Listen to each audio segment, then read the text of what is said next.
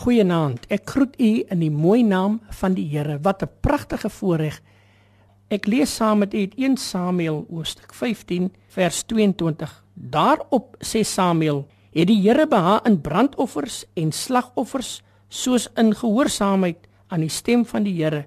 Kyk om gehoorsaam te wees is beter as slagoffers, om te luister beter as vet ramme."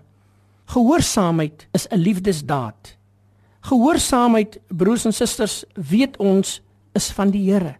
Die Here sê as jy my liefhet, sal jy my gebooie bewaar. Gehoorsaam in Johannes 14 vers 23, die Here dring nooit aan op gehoorsaamheid nie. Hy sê aan ons uitdruklik wat ons behoort te doen.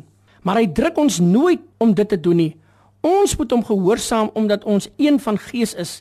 Die Here gee my nooit 'n spul reëls nie. Hy maak sy standaard baie duidelik en as dit 'n verhouding van liefde is vir hom, sal ek doen wat hy vir ons sê sonder huiwering. As ek huiwer, is dit omdat ek iets anders voor hom stel en in 'n kompetisie met hom is, moontlik myself en my belange. Die Here sal my nooit help om te gehoorsaam nie. Ek moet gehoorsaam wees en wanneer ek gehoorsaam is, het ek my geestelike bestemming vervul. Sodra iets belangriker is as gehoorsaamheid, is dit jou afgod. As jy sê jy het die Here lief, dan vra hy van jou gehoorsaamheid. Broeders en susters, mag die Here ons vul met nuwe krag, met sterkte. Mag hy ons swakke hande neem vanaand dat ons meer gehoorsaam sal word aan die Here as aan die mens, want hy het ons geskape en hy's vir elkeen van ons baie lief.